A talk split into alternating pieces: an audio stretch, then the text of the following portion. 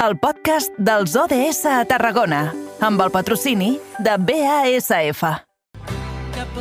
Passen gairebé 7 minutets del punt de les 6 de la tarda. Encarrilem aquesta darrera hora de programa i ho fem, com sempre, mirant el futur, cap als objectius de desenvolupament sostenible. I avui, amb aquest gent gran dels pets de Constantí de Fons, que em penso que ja ens il·lustra força del que parlarem al llarg dels propers minuts.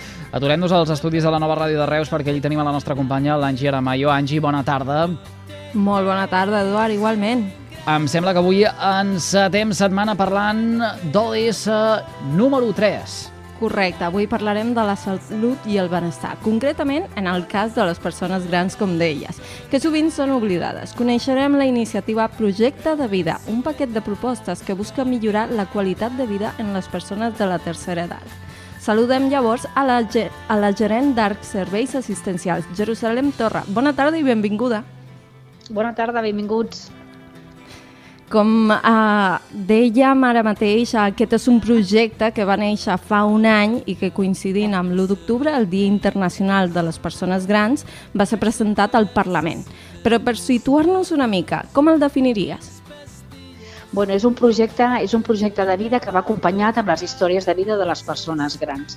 Nosaltres que treballem amb el, amb el col·lectiu de les persones grans, eh, cada, cada any iniciem un, un, un projecte i en aquest cas va ser el dels projectes de vida. Quina és la nostra intenció? Que les persones grans, quan es jubilen, quan arriben als 65 anys, així com tenim projectes de vida als, als adolescents, als infants, les persones adultes, les persones grans també tenen que tenir un projecte de vida, perquè és aquella il·lusió, és aquelles ganes de seguir, de seguir treballant, de fer noves activitats és per això que vam portar el projecte de vida a que el fiquessin dins de les polítiques, dins de les polítiques de la gent gran i de la, del benestar del Parlament de Catalunya. I el vam portar, ens va acompanyar el, el Raül, que és un diputat que porta la part de, de la cartera de la gent gran i ens va acompanyar i nosaltres la vam entregar. I amb aquests punts ficava més o menys la idea que nosaltres tenim de projecte de vida, que és eh, el caminar, com podem fer aquestes pautes perquè les persones grans, quan arriben als 65 anys,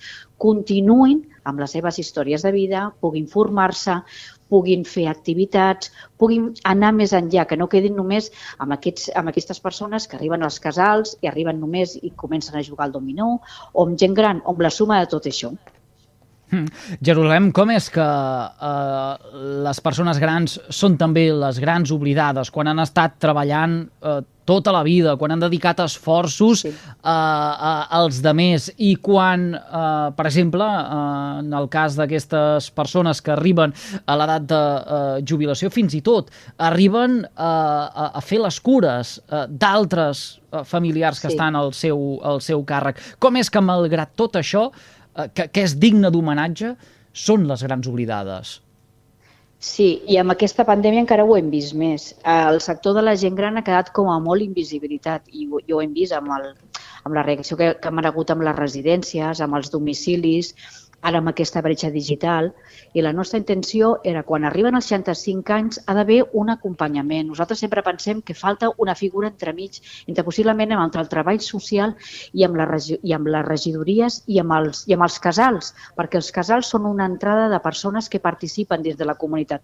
Aquests dos anys la gent gran s'ha quedat molt aïllada.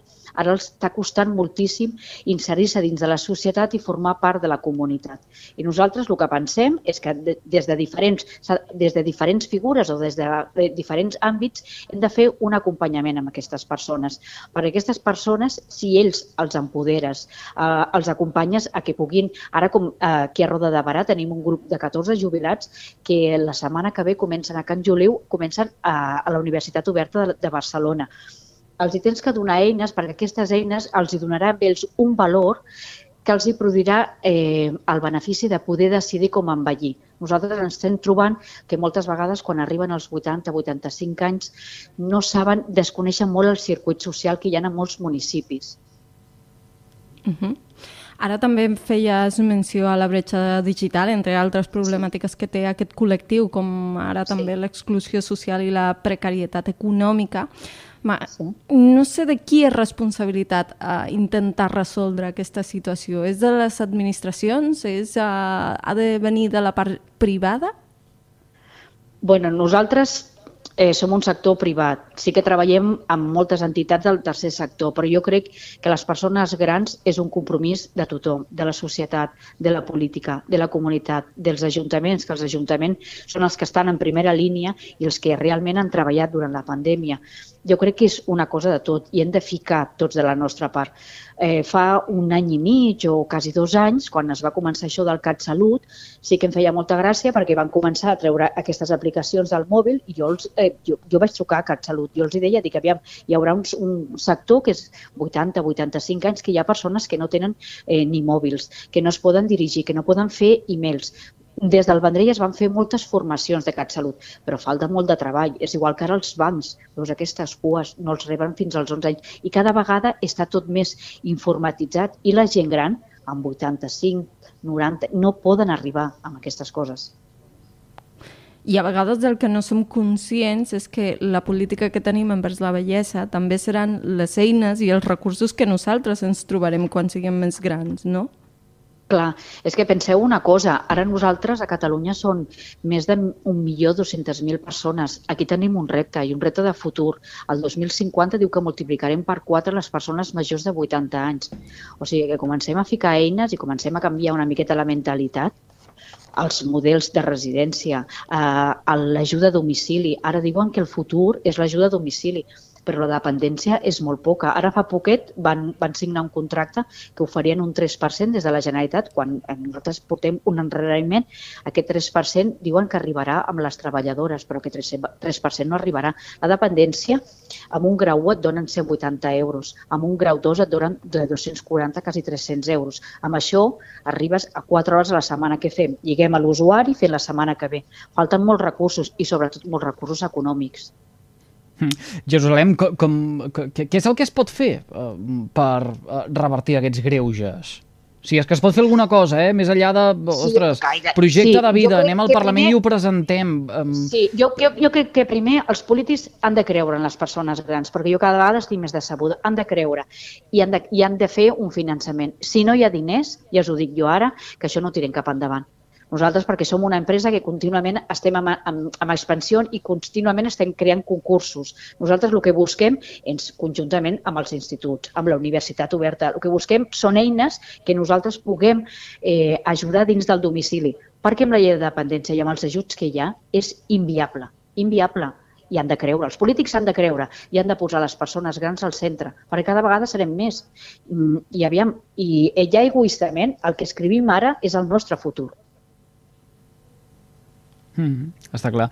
Uh, convé uh, fer èmfasi en tot això eh, i sobretot tenir present eh, que d'aquí uns quants anys els que ens trobarem en aquesta situació podem ser també eh, nosaltres. Eh, Jerusalem, eh, eh ja per acabar una darrera pregunta entorn de eh, l'excusa de la trucada d'avui, que és aquest projecte de vida que presentàveu tot just ara fa un any al Parlament. Eh, heu notat alguna diferència? Eh, us van escoltar aleshores els eh, polítics sí, en el eh, i per tant moment podeu dir que hem avançat?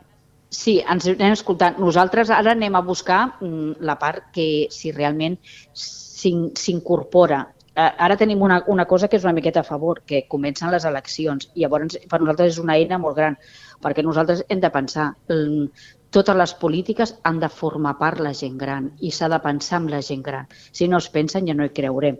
Nosaltres esperem, home, nosaltres contínuament estem incorporant i anem cap a un futur de, de noves tecnologies, però que s'ha de treballar moltíssim, moltíssim. Eh? I, I és el que dic, eh? que s'ha de creure, però fins que no fiquin diners, això no tiren cap endavant. La Jerusalem Torra és la gerent d'Arts Serveis Assistencials, a qui agraïm moltíssim que uh, un cop més ens hagi fet confiança, que hagi acceptat la trucada del programa uh, coincidint amb aquesta efemèride que el passat dissabte, 1 d'octubre, uh, era el Dia Internacional de la, de la Gent Gran. Uh, Jerusalem, no fa falta dir uh, Carrer Major és també l'altaveu uh, de la gent gran, sí. l'altaveu uh, per uh, totes aquelles necessitats que requereixin uh, enfocades cap a la tercera edat. Perfecte, moltíssimes gràcies. Que vagi molt bé, bona tarda. Bona tarda.